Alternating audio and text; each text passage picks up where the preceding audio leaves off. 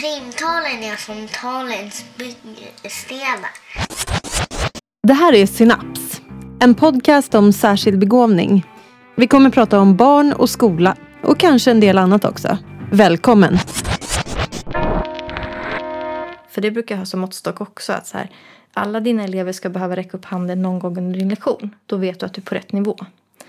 Har du elever som inte behöver räcka upp handen en enda gång. Trots att du har flera lektioner inom matematik på level 3. Då är det fortfarande för lätt för den eleven. Hej och välkommen till avsnitt 5 av Synaps. I det här avsnittet så har jag förmånen att prata med en livslevande biträdande rektor tillika speciallärare som heter Sofie Frid. Jag blev först nyfiken på Sofie när hon postade i en Facebookgrupp som heter Filurum och bad om feedback på ett screeningmaterial som hon höll på att ta fram för att identifiera särskilt begåvade elever redan när de börjar i hennes skola. Och när jag ringde upp Sofie så visade det sig att hon har en hel del erfarenhet av att jobba med att eh, möta elever med olika lärbehov. Bland annat så berättar Sofie i intervjun om hur hon jobbar i tre olika levels i all sin undervisning. Och eleverna får välja vilken level de vill läsa. Vi pratar också om samundervisning, eh, det vill säga där en lärare och en speciallärare eller specialpedagog undervisar tillsammans. Och det, det här kan man göra på lite olika sätt. Så det här blir en väldigt praktisk diskussion med konkreta idéer om hur man går tillväga. Som vanligt så vill jag gärna höra vad du som lyssnar tycker. Håller du med? Håller du inte med? Har du några frågor om särskild begåvning som du vill ha svar på i ett framtida avsnitt? Hör av dig med funderingar på synapspodd med 2D, gmail.com eller på Facebook-sidan synapspodd. Då är det dags för intervjun med Sofie Frid. Så välkommen Sofie Frid. Jättekul att du är här. Tack. Kul att vara här. Eh, Du är biträdande rektor Mm. på en skola som är från F till 5, stämmer det? Precis. Mm. Eh, Du är även utbildad speciallärare. Eh, Din inriktning är läs och språk och skrivutveckling. Och sen så läser du också en masterutbildning i specialpedagogik. Det stämmer bra. Ja, mycket på en gång. Ja. Ehm, så som sagt, jag har ju länge varit intresserad av att eh, intervjua någon som kan representera skolan. Eh, för att vi ska få liksom, förstå bättre vad är förutsättningarna för att jobba med särskilt begåvade barn. Ehm, vad kan man förvänta sig av skolan? Hur kan man jobba organisatoriskt med de här barnen för att effektivisera hur vi jobbar med dem så att man inte gör eh, liksom, egna lösningar för varje barn. Så kan vi börja med att prata lite om vad, hur det kom sig att du är intresserad av särskild begåvning? Ja, jag tror att jag har eh, eh sett de här barnen från början när jag var klasslärare. Eh, min första klass var en årskurs etta. Eh, där jag redan från start tog emot dem och halva klassen var läskunnig. Eh, och då kände jag sådär att då sprack ju hela min plan. Att gå igenom bokstav vecka för vecka. För halva klassen kunde det ju redan. Så redan där fick jag ju förstå ganska snabbt att jag behöver göra på ett annat vis. Och hur gör jag då? Eh, vi kan inte ha bokstavsgenomgång med de som har kunnat bokstäverna i ett eller flera år liksom, redan. För då sitter de bara av tiden. Eh, så då började jag nog med att eh, det som jag kallar differentiera undervisningen. Att lägga den på olika nivåer från start. Att i varje uppgift så skulle man kunna göra den på olika nivåer. Vilket gjorde att det skulle kännas meningsfullt för de flesta eleverna förhoppningsvis. Så, så jag började med det väldigt fort. Eh, jag tror att det i sig grundar sig i att jag eh, kanske själv haft väldigt svårt för att bli uttråkad eh, och hantera den känslan. Jag tycker att den är ganska eh, ångestframkallande och jobbig att ha. Ehm, så jag kan... För mig är det viktigt att eleverna i klassen inte känner tristess. Så kan man säga. Sen behöver inte allting vara kul hela tiden, men det ska vara utmanande i alla fall. Och man ska känna att idag lärde jag mig någonting. Så. Eh, sen fick jag själv ett barn för tre år sedan lite drygt. Eh, och det var så jag kom i kontakt med den här Facebookgruppen Filurum eh, för ungefär ett år sedan. Och då eh, stötte jag på begreppet särskilt begåvad och blev väl mer intresserad av att undersöka det vidare. Jag hade ju hört begreppet tidigare men inte fördjupat mig i det innan. Uh, ungefär så. Mm. Och där, när du testade att differentiera undervisningen mm. för dina elever, mm. hur funkade det tyckte du? Alltså det var svårt för att eh, jag upplevde väl kanske att jag inte hade så många att bolla med på skolan. Alltså även av de som var mer erfarna. Utan att det var så att i årskurs ett så gör man på det här viset varje vecka. För att gå igenom. Nu gör vi bokstaven A och då gör vi den utifrån den här modellen. Sen gör vi nästa bokstav och så gör vi på samma sätt. Um, så där kunde jag väl i början uppleva att det var svårt just för att jag saknade erfarenhet och kunskap kring hur jag skulle göra. Um, men jag tycker att det gick ganska fort att Eftersom eleverna, särskilt sjuåringar, är ganska snabba på att ge respons. Liksom. Uh, så jag tycker att jag ganska fort hittade ett, ett sätt att nå dem. Uh, och då kunde det vara att ja, men vi skrev bokstavssaga varje vecka. Och för de eleverna som kanske inte kunde skriva och liknande eh, eller hade koll på bokstäverna, ja, men då, de fick ju hela den här bokstavsgenomgången med hur låter ljudet och hur rimmar det och nu ska vi hitta ord som börjar på den här bokstaven och så vidare. Den ganska klassiska genomgången. Och sen fick de skriva historier och då kunde det ju vara alltifrån att de som hade som svårast kanske skrev tre, fyra ord på den bokstaven. Och då var det bra nog.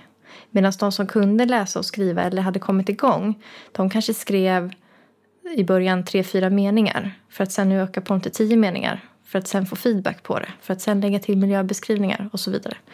Eh, svenska är ganska tacksam på det viset att det är lätt att göra det svårare. Liksom. Mm. Så. Och hur följde du den klassen då? Nu snöar jag in på mm. den här klassen mm. bara för att uh, du, du, nämnde det. Men, men hur följde du den klassen sen ja, trean? det gjorde jag. Uh, och de drog ju iväg, eftersom vi fick det här arbetssättet ganska tidigt så drog ju de iväg kunskapsmässigt i de flesta ämnena, uh, upplevde jag. Så att uh, när vi hade människokroppen så ja, men då hade vi oftast, när vi skulle ha tema då, till exempel människokroppen, så eh, kollade vi först ja, men hur mycket, vad kan de och vad vill de veta och vad tror de om det här. Eh, och då får man lite koll på vilken nivå de ligger på när man ställer de frågorna. Att, ja, men vad, vad vet du att du kan? Jo, men jag vet att vi har en hjärna och ett par lungor. Okej, okay. vad tror du då? Ja, jag tror att drömmarna har något med hjärnan att göra. Så. Vad vill du veta? Eh, jag vill veta varför jag drömmer, till exempel. Och då får man ju sen planera undervisning utifrån vad de har sagt. Så det där blir som en inventering av deras kunskaper först.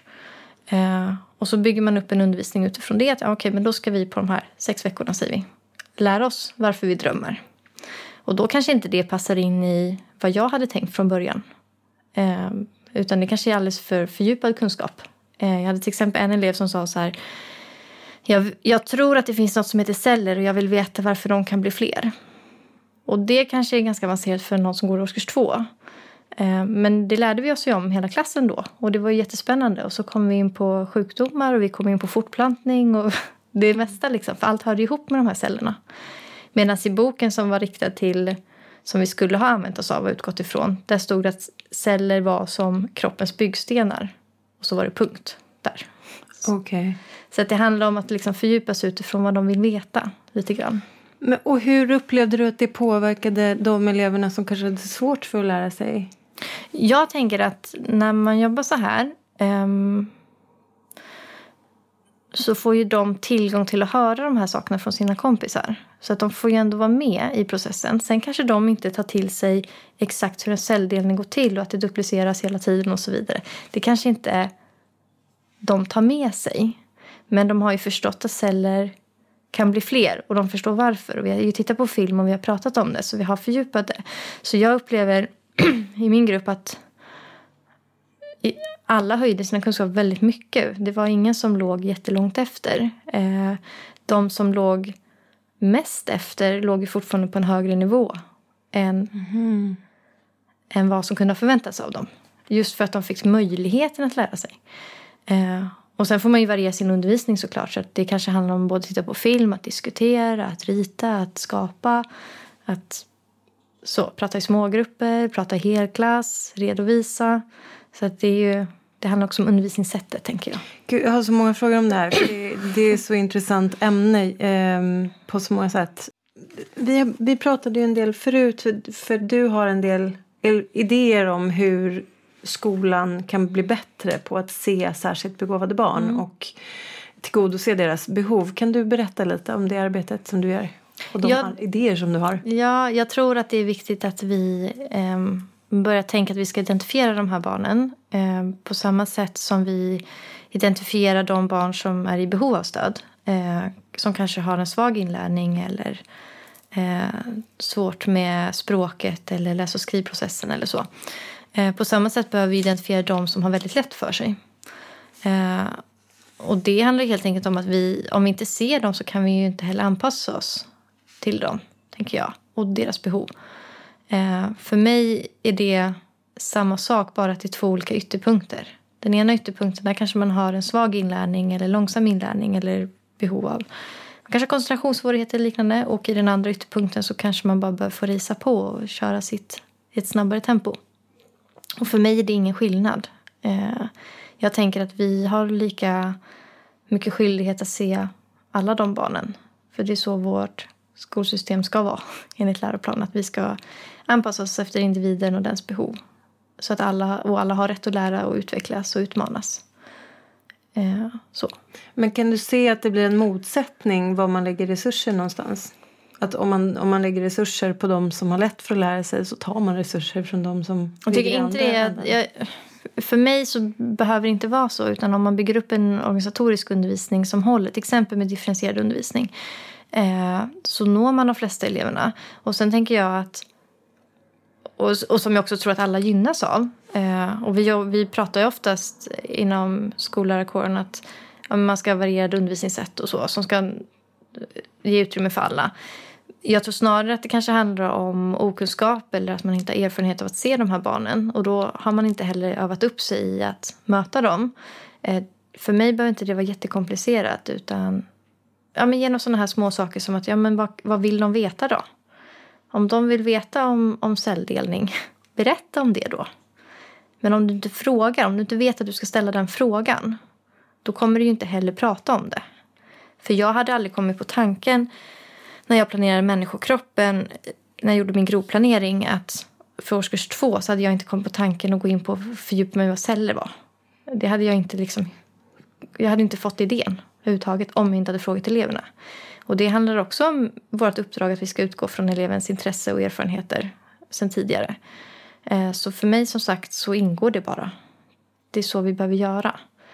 Ehm, sen kan det vara, jag vet att en del skolor, tänk, alltså att man kanske tänker då att ja, men då ska man sitta individuellt med de här eleverna eh, och utmana dem. Till exempel i matematik eller det brukar oftast vara den typen av ämnen som man ser det i först eh, någon ligger väldigt långt fram i matten. Så tänker man att ja, men då behöver vi sitta individuellt med den eleven. Och det är klart att det tar jättemycket resurser eh, från skolan och blir väldigt ineffektivt. Eh, särskilt eftersom min upplevelse är att det inte är en elev per klass utan det kan vara många fler. Eh, och då behöver vi bygga in det i undervisningen i första hand så att de får det på plats där de ska vara. Inte en gång i veckan, utan på varje lektion. Och då tror jag att differentierad undervisning kan vara ett sätt att göra det på. Och hur gör man det? Ja, men då tänker, för mig är det att tänka i, i första hand i tre nivåer. Så brukar vi börja när, när jag jobbar med nya pedagoger då, som inte har gjort det här innan. Eh, för det är hanterbart oftast för de flesta. Och då eh, Eh, kan man, om man vill eh, gamificera det hela, så kan man tänka level istället. Level 1, 2 och 3. Eh, och då brukar jag tänka att level 2 är den level där vi tänker att de borde vara. Så har vi matte i årskurs 3 så är level 2 matte för årskurs 3. Eh, level 1, då backar vi lite för att nå de här eleverna som inte har kommit hit än. Så då kanske vi tänker vad förväntar vi oss inom det här området i matematik för årskurs 2? Och på level 3 då tänker vi istället att ja, men de som redan kan level 2, de som redan kan treans matte, vad ska de göra då? Jo, men då kanske vi måste tänka upp i årskurs 4 eller årskurs 5 matte. Men vi håller oss inom samma område. Så att jobbar vi med geometri så gör vi geometri fast på årskurs 2, årskurs 3 och årskurs 4 till 5 nivå. Eh, och då innebär det att vi också har genomgångar på de nivåerna. Så att har jag en 15 minuters genomgång så är 5 minuter på level 2, 5 minuter på level 3 Eller fem minuter på level 1, fem minuter på level 2 och fem minuter på level 3. Är alla med på alla genomgångar? Och det gör ju också att de här barnen som kanske är på level 1 de lyssnar mest på level 1. För de vet att men det här kan jag ta till mig. Då kanske man jobbar mycket konkret. Man ritar upp. Man har mycket konkret material framför sig. Um, säg att det handlar inom aritmetik. Då kan, om vi tar ett exempel då så här. På level 1 kanske vi jobbar med 5 plus 2. Och då ritar vi 5 kulor plus 2 kulor är lika med 7 kulor. Medan går vi sen vidare i genomgången till level 2 då kanske vi pratar om 25 plus 32. Och vi kanske fortfarande ritar det om det behövs. Eller så använder vi bara skriftspråket och använder bara siffror. Medan på level 3 då kanske vi säger okej okay, 25 plus 32 plus 12 är lika med 78 minus. Och då har vi pratat om lika betydelse på olika nivåer. Och de som är på level 1 brukar efter ett tag fortsätta lyssna till level 2. Vilket gör att de höjer sin kunskap också. För att de, de förstår att det är värt att hänga med ett tag till. Eh, och de som är på level 3 kanske börjar lyssna på level 2 eller så sitter de av tiden i 10 minuter eh, och vet att ja, men snart kommer min grej. Snart är det, är det dags för mig att börja lyssna. Och då slår de på. De som har passerat level 3, vad mm. gör man med dem? Ja, Eh, det där är knäckfrågan och det där är så spännande för att när man börjar med differentiering så förstår man sen, för att det vi säger också är att då måste ju sen mat- arbetsmaterialet finnas i de här tre levels. Man kanske inte kan ha bara sin mattebok för den kanske bara är för level 2 eller level 1. Eh, så det handlar också om att göra en läromedelsanalys då, att ja, men vad kan jag ha istället eller vad kompletterar jag med? Oftast kanske handlar om stenciler så att man sen får fortsätta jobba på den level man känner för. Liksom. Eh, och när man gör det då brukar det ganska snabbt visa sig att ja, men jag har ju elever i min klass som även klarar level 3 väldigt fort. Eh, och som inte behöver fråga på lektionen. För det brukar jag ha som måttstock också. att så här, Alla dina elever ska behöva räcka upp handen någon gång under din lektion. Då vet du att du är på rätt nivå. Mm. Har du elever som inte behöver räcka upp handen en enda gång trots att du har flera lektioner inom matematik på level 3 då är det fortfarande för lätt för den eleven. Ehm, och då kan vi höja ytterligare. Och då kommer man som sagt på att level 3 kanske inte räcker. Och då börjar det bli orimligt att göra det i klassrummet ihop på en genomgång. För du kan inte ha en genomgång i 45 minuter kanske. Så. För att det är det du skulle behöva om du skulle gå upp kanske till sjuans nivå när du har en årskurs 3. Och då, det är ju det som, där kommer organisationen in. Att då kanske man behöver organisera sig i någon form av, av ja, nu kallar jag dem spetsgrupp i, bättre, i brist på bättre namn. Jag tänker att man kan hitta något, något bättre namn på det eh, som är mindre laddat. Men jag tänker att då kanske de eleverna behöver få samla sig i ett annat forum där de får ligga på årskurs 6 eller årskurs 7 nivå.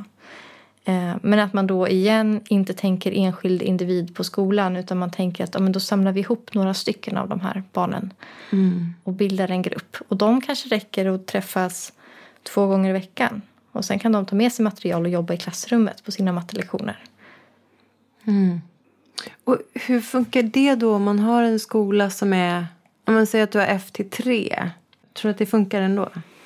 Eh, med lite vilja, eller väldigt mycket vilja. Och jag tror att man som pedagog och som, som skolledning behöver tänka utanför boxen. Eh, jag tänker att oavsett kan vi inte ha årskurs 3-elever för ganska många ligger ju över den nivån. Så vi kan inte bara säga att Nej, men nu får du vänta till nästa år med att lära dig de här sakerna som du är redo att lära dig nu.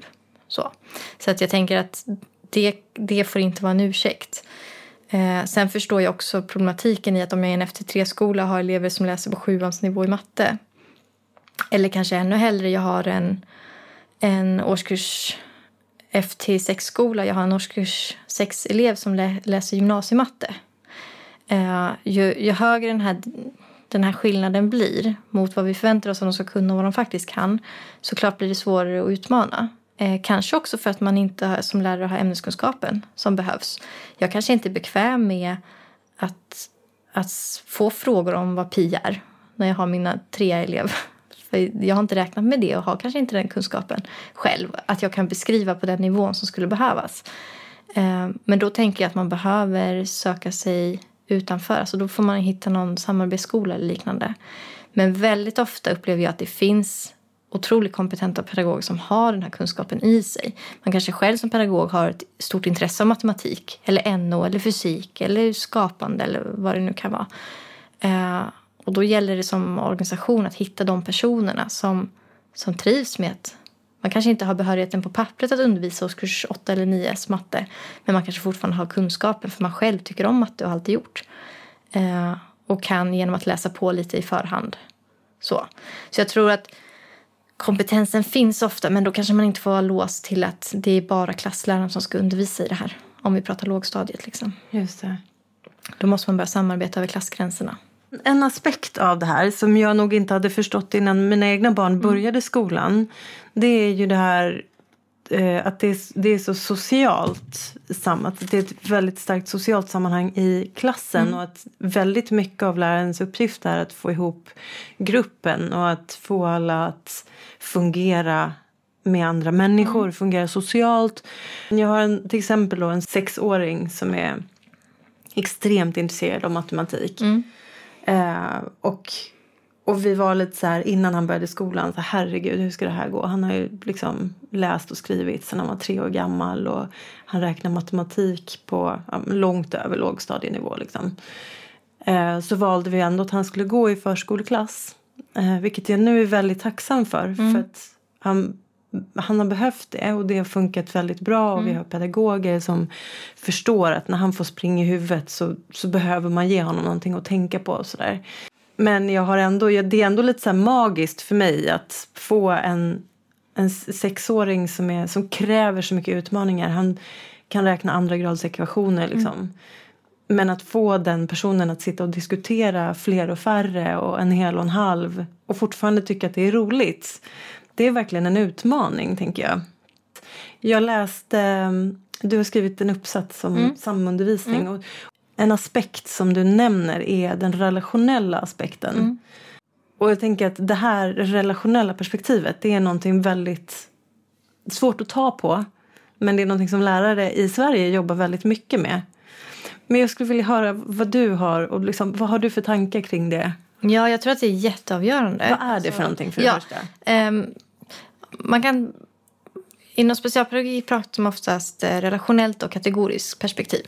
Och det betyder att om jag inte har ett ehm, kategoriskt perspektiv då kanske jag tänker att den här eleven är den som äger problemet. Det är eleven som, eh, som har svårigheter eh, och, och då måste jag jobba med eleven.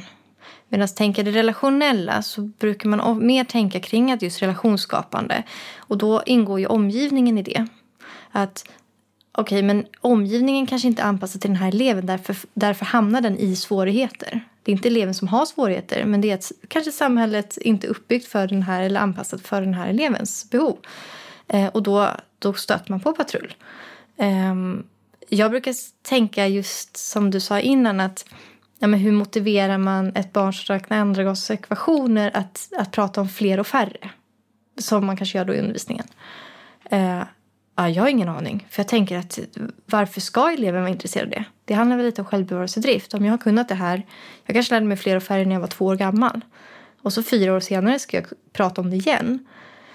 Och då brukar jag jämföra med att om någon tog mig med min eh, erfarenhet och kunskap och, eh, och den utbildningen som jag har i bakgrunden och sa så här, nu får du börja i årskurs åtta. Eh, och du ska gå igenom hela årskurs åtta och du ska gå igenom hela årskurs nio. Men sen blir det kul för sen får du välja gymnasiet. Och när du går gymnasiet då kan du välja en inriktning som du tycker är spännande. Så då kan du få utmaningar. Och så börjar jag gymnasiet och så kanske jag väljer naturvetenskaplig linje. Eh, för det är väl där jag har mest att hämta i alla fall. Och sen eh, säger de då att ah, men nu kan du när du har gått igenom det här, bara du har fått bra betyg, då kan du välja universitet. Och så läser du en grundutbildning. Och sen behöver du kanske få lite arbetslivserfarenhet för att sen gå vidare till en avancerad utbildning. Och det är lugnt för att det blir kul om tio år. Jag som person då hade ju inte klarat av att få högsta betyg i årskurs åtta. Trots att jag kanske intellektuellt hade klarat det. Det hoppas jag. Men, men jag hade inte fixat att vara i det sammanhanget för jag hade blivit så otroligt uttråkad. Jag hade inte heller tyckt att det var särskilt spännande att umgås med mina klasskompisar på rasten. För eh, det var ganska länge sedan jag var 14 år. Eh, och jag känner att jag kanske inte har samhörighet med dem. Just för att jag inte är där.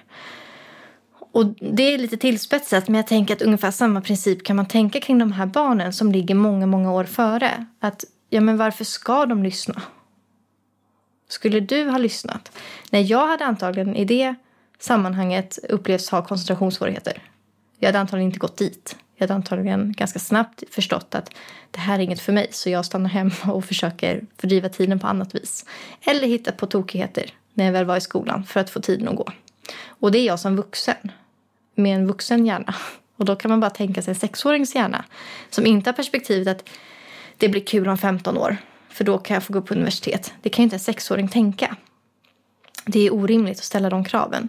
Så det är därför vi behöver nå dem tidigt. Och det är det man också lite tillspetsat skulle kunna kalla det här att om man mer intar ett relationellt perspektiv så eh, ser man också att omgivningen har en del i det här. Sexåringen kanske inte har ett dugg svårt att sitta och lyssna och hänga med i undervisningen om den bara läggs på samma nivå som den borde vara. Eh, och den får utgå från det. Eh, och samma med kompisar. Oftast hör man ju det här att de här barnen, ja men du får jobba på det sociala samspelet istället. Ja men vad har jag för utbyte då? Om, om mina kompisar är på nivån att prata om, inte vet jag, ett tv-spel säger vi. Men du själv vill diskutera rymden. Då kanske du faktiskt mår bättre att umgås med äldre barn.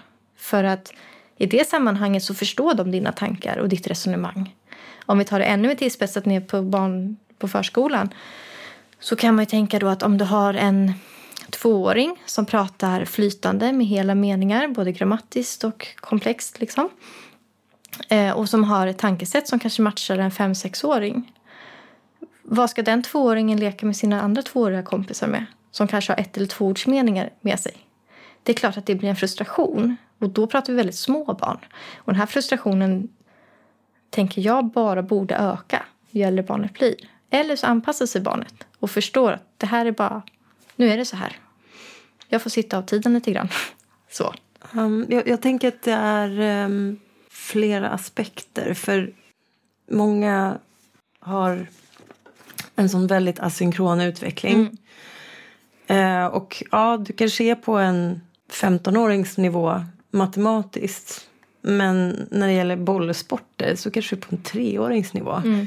Så att, att sätta det, det barnet bland 15-åringar, det skulle inte funka. För de Nej. skulle bli jätteirriterade. Ja, och, och liksom dessutom inte... tänker jag också, jag tänker när det är, en del har ju väldigt goda erfarenheter av, av att få hoppa upp många årskurser. Men jag tänker att det man också tappar då är att om vi tar tillbaka till tvååringens exempel. Om tvååringen kanske får umgås med sina femåriga kompisar så femåringarna har fortfarande fem års lekerfarenhet som tvååringen inte har. Så bara i den erfarenhetsvärlden så, så skiljer Exakt. det sig åt och, bli, och kan bli problematiskt. För att tvååringarna har inte hunnit lära sig de här sakerna. Konflikthantering och liknande. Så det är klart att det blir en krock. Så det, det jag tänker är väl att vi i första hand vill jobba med, med som du säger, med barngruppen. Att har vi en årskurs 3 så ska de flesta kunna få sin undervisning i årskurs 3. Eh, genom till exempel differentierad undervisning. Och jag tänker att en styrka med, med svensk skola är ju att vi jobbar mycket relationellt. Alltså, och det kan ju också handla om att man bygger relation mellan läraren och elev. Alltså ett förtroende. Att jag litar på dig. Det du säger är viktigt. Eh, det du berättar att du vill lära dig kommer jag ta hänsyn till. För jag vill att du ska vilja lära dig saker. Eh, det finns ett fokus, tycker jag oftast, att, att utgå från barnets intresse. Eh, och det är också någonting som står i vår läroplan att vi ska göra. Eh, att utgå från intressen och erfarenhetsvärden. Liksom. Och då ingår ju det här att ta reda på vem är du som människa och vad behöver du? Och när vi når det då finns det kanske inte samma behov av att flytta upp elever. Men jag kan också förstå de föräldrar som upplever till slut att så här, men om man inte får det i sin grupp då kanske det är lättare om man inte har en organisation i skolan som är anpassad till att till exempel differentiera undervisningen på rätt nivå eller spetsgrupper om det behövs. Eh, då, då kanske det rent organisatoriskt är lättare att flytta en elev ett eller två årskurser uppåt. Då kanske det löser några av sakerna. Um, men då tappar man kanske sitt sammanhang. Man kanske har gått med de här kompisarna sen, sen förskolan. Och det i sig betyder mycket. Så det är en jättekomplex fråga för att vi inte har ett skolsystem som ännu har matchat upp de här barnen, mm. tycker jag, i tillräckligt hög grad. Jag tänkte på den uppsatsen som jag läste som Mm. du har skrivit. Den handlar om samundervisning. Kan du berätta vad det är för någonting? Ja, eh, samundervisning är ganska vanligt förekommande i, eh, i vissa andra länder, eh, till exempel USA. Ehm, det är ganska, upplever jag, eller väldigt ovanligt i en svensk kontext. Samundervisning, eh, som jag definierar det, är att en speciallärare eller specialpedagog undervisar tillsammans med ehm, en lärare. Så att du har den specialpedagogiska kompetensen i klassrummet på något vis. Ehm, så det är inte samma sak som tvålärarsystem där man jobbar med eh, två grundskollärare till exempel samarbetar. Utan här är det att det specialpedagogiska ska, ska komma in också. Eh, sen det man gör är att, eh, att specialläraren och läraren eh, undervisar Först planerar, undervisar och genomför undervisningen tillsammans. Men man utvärderar den också eh, efteråt. För mig i praktiken, jag har jobbat så i många år och då betyder det att eh, jag och läraren kommer överens om ett... Dels att vi vill samundervisa tillsammans. Ehm, och sen kommer vi överens om ett område. Och det kan vara på mitt initiativ eller på lärarens initiativ eller e- elevhälsans initiativ. Det beror lite på vad det är för barngrupp och syftet med samundervisningen. För det skiljer sig åt från grupp till grupp. Men det kan vara till exempel så här, okej, jag upplever att jag har svårt att differentiera matematikundervisningen. Det vill jag ha hjälp med. Då kan jag samundervisa med den läraren. Och utifrån min specialpedagogiska kompetens så kan jag få in det i planeringsstadiet. Okej, men och det kan ju vara det här att ja, men då lägger vi upp undervisningen på tre nivåer. Vad innebär det? Hur gör man då? Eh, och sen genomför vi det tillsammans under en kanske 6 till 8 veckors period. Eh, och då betyder det att vi kanske kan, eftersom vi är två pedagoger, då betyder det att vi kan, eh, att vi kan ehm, dela gruppen. Så säg att vi har en klass på 30 elever så kanske jag tar de som är på level 1 och level 2 och den andra läraren de som är på level 2 och level 3. Eller så kanske vi bestämmer att level 1 till 3 kan vi ha i klassrummet. Det är inga problem. Men jag tar spetsgruppen och fick ordna material för dem. Så. Ehm, men allt det här sker i dialog ihop med läraren.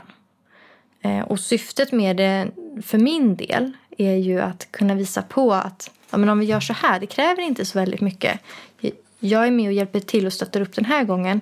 Men i slutet av det här projektet så börjar vi prata om att ja, men hur gör vi då för att du ska kunna fortsätta med det här även när jag inte är med i klassrummet. Eh, och oftast har ju läraren då fått kanske ganska små verktyg men som gör stor skillnad. Att ja, men det här var inte så himla krångligt. Det var inte så svårt. Och så vågar man fortsätta på egen hand sen. Ehm, och då kan jag samundervisa med nästa grupp istället. Okej. När du, hur hur, hur liksom resonerar dina kollegor när du tar upp frågan om särskilt, begåv, särskilt begåvade elever? Eh, Jag brukar... ehm, Det beror på vilket sammanhang vi pratar om det. Alltså, jag brukar börja med att prata om det som barn med snabb inlärningstakt. Just för särskilt begåvad som begrepp kan vara ganska laddat. Alltså man får en föreställning om att det är någonting som någonting lite läskigt, lite eh, konstigt liksom. Men pratar man om snabb inlärningstakt så tycker jag att, att det ger mig en tydlig bild. Du har eh, en person som, och jag brukar ta som exempel så här då. Okej, säg att du behöver ha den här genomgången tio gånger för de flesta i din klass. Men du har en elev som förstår det efter en gång. Varför ska den lyssna nio gånger till? Och då sätter man lite perspektiv på vad det egentligen handlar om. Um, sen tycker jag särskilt begåvad som begrepp kan vara komplicerat på många sätt. Alltså jag tänker utifrån forskning och så här. Men det är en helt annan fråga. Um, så jag brukar använda snabb inlärningstakt först. Och sen när vi har pratat lite och resonerat kring det. För då brukar det också, om man pratar snabb inlärningstakt så brukar det kunna säga ja, jag tror att den här skulle kunna vara en sånt. Den här, det här barnet skulle kunna vara på det viset. Så. Det, det har du rätt i. Så. Och då tycker jag att man kan säga så här, ja, det finns ju ett begrepp för det här. En del kallar dem för särskilt begåvade. Eh, det finns också forum. Och då kan man börja lotsa vidare. Och så gör jag även när jag möter föräldrar där jag behöver väcka den här tanken att, att börja prata kring att det, det, kan det vara så att ditt barn lär sig ganska snabbt. Och så tar vi det den vägen. Mm. Och det handlar ju om det här, det samhället vi har byggt upp, att vi inte är vana vid att prata så. Tänker jag. Just det. Också lite att sätta, det blir lite som att sätta en etikett också på barnet, vilket jag upplever kan vara problematiskt på många sätt. ja. Så. Jag går ju inte till en förälder heller och säger jag tror att ditt barn har ADHD. Mm. Det är inte så vi pratar om barn i skolan, förhoppningsvis. Nej, och det här är, är också intressant. Det, för jag har, jag har också svårt eh, för att så här, man ska etik etikettera barn eller människor överhuvudtaget. Ehm, samtidigt som, eller liksom, i en önskevärld så skulle man väl kanske se alla individer exakt som de är och skolan skulle liksom förstå och möta varje individ. Nu förstår jag att man, man måste liksom på något sätt standardisera för att det är så pass många så att man måste ha någon sorts metod för att klumpa ihop människor. Ehm, men, men jag tänker, det finns ju ehm, det finns ju barn med snabb inlärningstakt eller med, med särskild begåvning som, som inte nödvändigtvis visar den begåvningen i skolan. Som inte är högpresterande och vice versa. Det finns de med normal begåvning som är väldigt högpresterande. Ehm, har du några tankar kring samband eller skillnader? Eller hur, hur kan man tänka kring det som lärare? Jag tänker att vi kanske först, om man, man ska tänka så här, vad är rimligt då som lärare? Eh, Och, och kunskapen hos många lärare är ju väldigt låg kring det här. Alltså man, man har inte, och det är inte så konstigt för det ingår inte i lärarutbildningen. Det ingick inte i min speciallärarutbildning. Jag, den är, jag blev ju färdig bara förra sommaren var jag färdigutbildad. Ehm, och vi läste ingenting om det. Um, och det handlar lite om så här att vi i Sverige har inte begreppet förankrat tillräckligt, alltså på en, eh, på ett akademiskt, en akademisk förankring. Så att eh, det är svårt också att undervisa kring det. Eh, men jag tänker att om jag är personen som ska handleda mina kollegor och jag inte har, undervi- eller har liksom kunskap, akademisk kunskap kring särskild begåvning. Det är väl klart att jag kommer ha svårt att handleda. Och hur läraren då, som har gått sin grundlärarutbildning och kanske kurser såklart vid sidan om. Men att vi får tänka så att vad är en rimlig förväntan då? Att det, lärare i skolan upplever jag, och de flesta pedagoger i skolan vill ju alla barns bästa liksom. Eh, det är ju inte av illvilja som man inte anpassar. Det är ju inte för att man så här, nej de där ungarna skiter jag i. Så. Utan det handlar oftast om okunskap, att man inte kan och vet. Eh, man kanske inte ens vet att de finns. Som sagt, och då tänker jag att i ett första skede så kanske man måste ställa en rimlig förväntan. Och det kanske är så här, okej, jag ska försöka hitta en eller två elever i min klass som har en snabb inlärningstakt. Eller särskild begåvning, vad du nu väljer att kalla det. Och då är det klart att det kommer vara lättare att hitta de eleverna som är tydliga i det. Och därifrån, när du har samlat på lite erfarenhet, då kanske vi kan börja så här, okej, hur hittar vi de elever som aktivt döljer sin begåvning? För det är ju också väldigt vanligt att de gör det, tänker jag, utifrån att ja, men om, om tvååringen, som vi pratade om innan, redan som tvååring märker att mina kompisar hänger inte med när jag försöker prata med dem.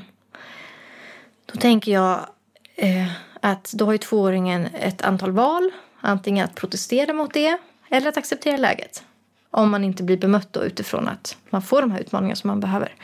Och samma sak med sexåringen som räknar andra grads ekvationer. Att antingen kan de kapitulera inför att nu är det så här det är i skolan. Jag lär mig inte någonting. Så är det. Eh, då, då behöver de ju få tiden att gå på något annat vis. Och de kanske, många barn kanske hittar glädje i andra ämnen. Till exempel att ja, men jag har min bästa kompis i klassen eller så. Um, men kunskapsmässigt, så varför ska de fortsätta visa vad de kan? Om ändå ingen lyssnar. Och har de då gått igenom att ja, men det är ingen som, som uppmärksammar mig när jag är tre år gammal och visar att jag kan läsa det här ordet. För jag kanske gör det ganska fort när jag är på förskolan. Så kanske jag bara går förbi en skylt och säger där står det bil. Om ingen vuxen snappar upp det, och det här händer gång på gång på gång under hela min skoltid. Så varför ska jag fortsätta visa det? Tänker jag. Och det är klart då att de här barnen kanske slutar visa det. Men jag tänker att det också kan vara om man som barn är medveten även om, om den sociala omgivningen och vad som förväntas av dig. Om du då förstår ganska tidigt att ja, jag förväntas inte kunna läsa ordet bil när jag är tre år gammal. Det har jag förstått, för ingen av mina kompisar kan det. Ingen pedagog frågar vad det står. Vi jobbar inte med bokstäver än. Ja, men då kanske det är smartast socialt att inte visa att man kan det. Så det finns ju väldigt många naturliga anledningar för barn att inte visa vad de kan. Men det kan ju också vara den här rädslan av att misslyckas. Att ja, men det är ganska bekvämt att kunna allting. Det är ganska bekvämt att känna att ja, men jag fixar allt som jag möter på i livet. Men då kommer också problemet, vad händer med dem då om de aldrig får utmanas i det? Mm. Eh, om de alltid får kunna allt på första försöket. Mm. Eh, hur, vad har de för strategier sen när de väl möter motgångar mm. senare i livet? För någon gång kommer de ju möta motgångar. Och då kanske de står ganska handfallna inför det. Så jag tänker att det är jätteviktigt att hitta såklart även dem. Men jag tänker att vi kanske inte måste, alla lärare kanske inte måste börja och hitta de svåraste barnen. Mm. Utan vi kanske får lära oss se att fenomenet finns i varje klass. Hur gör jag för att hitta dem då?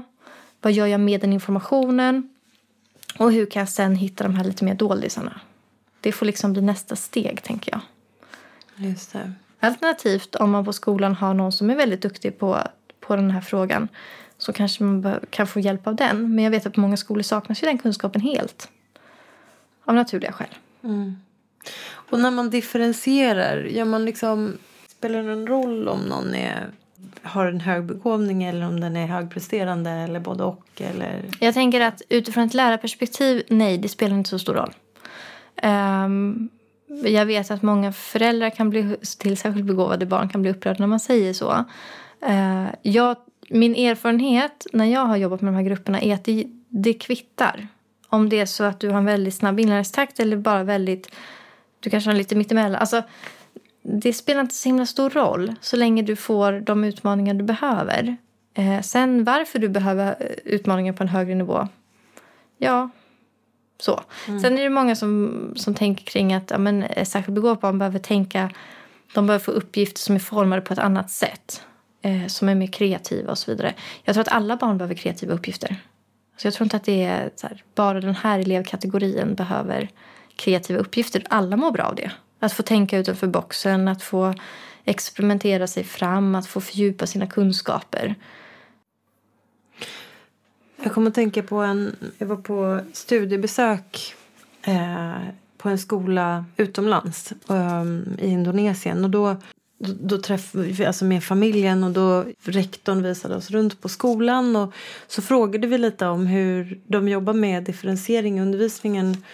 Och han förstod nästan inte frågan. Mm. för att han, han sa så här, alltså, om jag kommer in i ett klassrum och jag ser 16 elever som jobbar på samma nivå, då är det något fel. Grunden i vår undervisning är att alla ska jobba på sin nivå. Uh, och om den läraren inte jobbar så, då måste jag coacha den läraren. Liksom. Uh, så det var ett sånt otroligt annorlunda synsätt mm. mot uh, det som jag upplever att vi har som grundsynsätt i Sverige. Sen tror jag att sagt, det är säkert mycket lättare på en privatskola där de har 16 elever i varje klass än det är i en kommunal skola i Sverige där de kanske har 35 elever. Det blir helt andra förutsättningar men jag tyckte att det var ett intressant eh, perspektiv. Absolut, och jag tänker att det också har med vårt samhälle att göra. Att vi i skolan vill fostra medborgare och det ska vara lite lika och alla ska ha samma förutsättningar. Och i det glömmer man bort att alla har inte samma förutsättningar från början.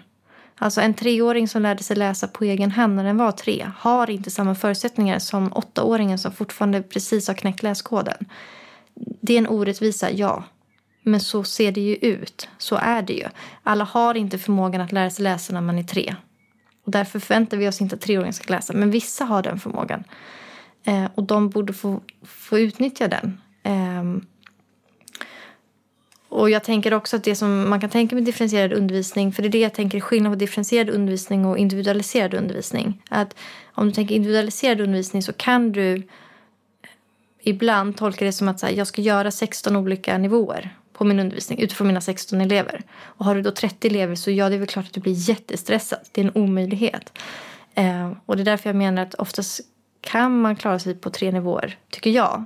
Alltså det har jag upplevt i mina grupper. Sen finns det de som fortfarande sticker ut. Som behöver någonting annat. Och då behöver man organisera för dem. I någon form av spetsgrupp eller liknande. Um, men du, du gör det ju så mycket bättre för alla elever om du bara gör på tre nivåer. Som lärare, vad, vad för support behöver man från skolledningen för att man ska kunna göra det där? Jag tror att skolledningen måste gå ut med att nu ska vi försöka hitta de här. Eh, sen kan man göra det, och det, det är ju skolledningen som är ansvarig för, för den typen av, av satsningar om man säger så. Eh, och att organisera undervisningen på det viset, att det finns förutsättningar för det. Eh, men sen kanske det inte det behöver inte vara skolledningen som leder det arbetet utan det kan ju vara att skolledningen kanske utser elevhäls- någon i elevhälsoteamet kanske med specialpedagogisk kompetens eller så kanske det finns en lärare på skolan som brinner för de här frågorna och att den personen får leda det här arbetet. Liksom. Um, men det, jag har all förståelse och respekt för att det känns svårt och läskigt och konstigt för vi har inte gjort det så ofta. Eh, ser du någon risk att det blir vissa elever som blir de svaga eleverna och så befäster man det? Jag tänker att det vet väl alla lärare, eh, alla elever redan.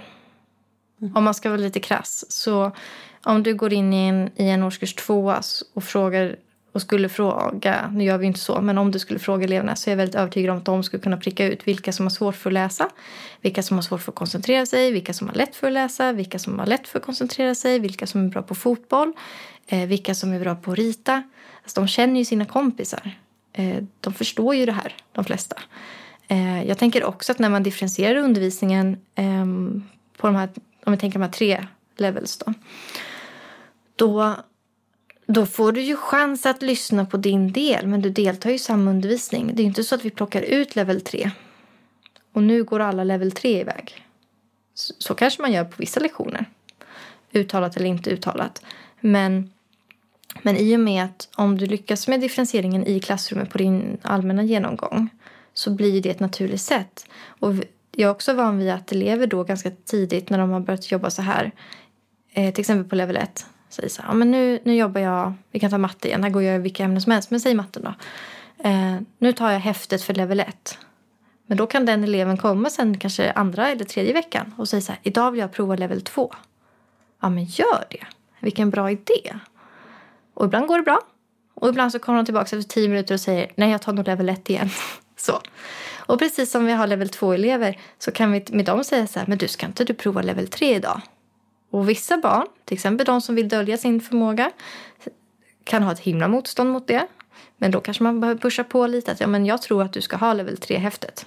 Så. Och så märker de att det gick bra. Och det kan ju vara ett sätt att identifiera dem också. Att, att hitta dem. Men jag tror också att när vi gör så här så märker man att alla behöver fråga om hjälp när de hamnar på sin nivå. För jag tänker att det vi snarare gör nu när vi inte jobbar så, det är att vi befäster att det finns vissa som aldrig behöver be om hjälp. Och det finns andra som behöver en vuxen bredvid sig under hela lektionen för de förstår ingenting. Så problemet finns redan där. Mm. Och jag tänker att vi snarare då hjälper dem genom att ja, men nu gör vi det mer rättvist. Så. Intressant. Mm. Jag tror att vi börjar komma, har kommit igenom de flesta frågorna som jag hade. Är det någonting som eh, du vill ta upp som vi inte har pratat om? Nej, jag tycker vi har täckt in väldigt mycket här nu.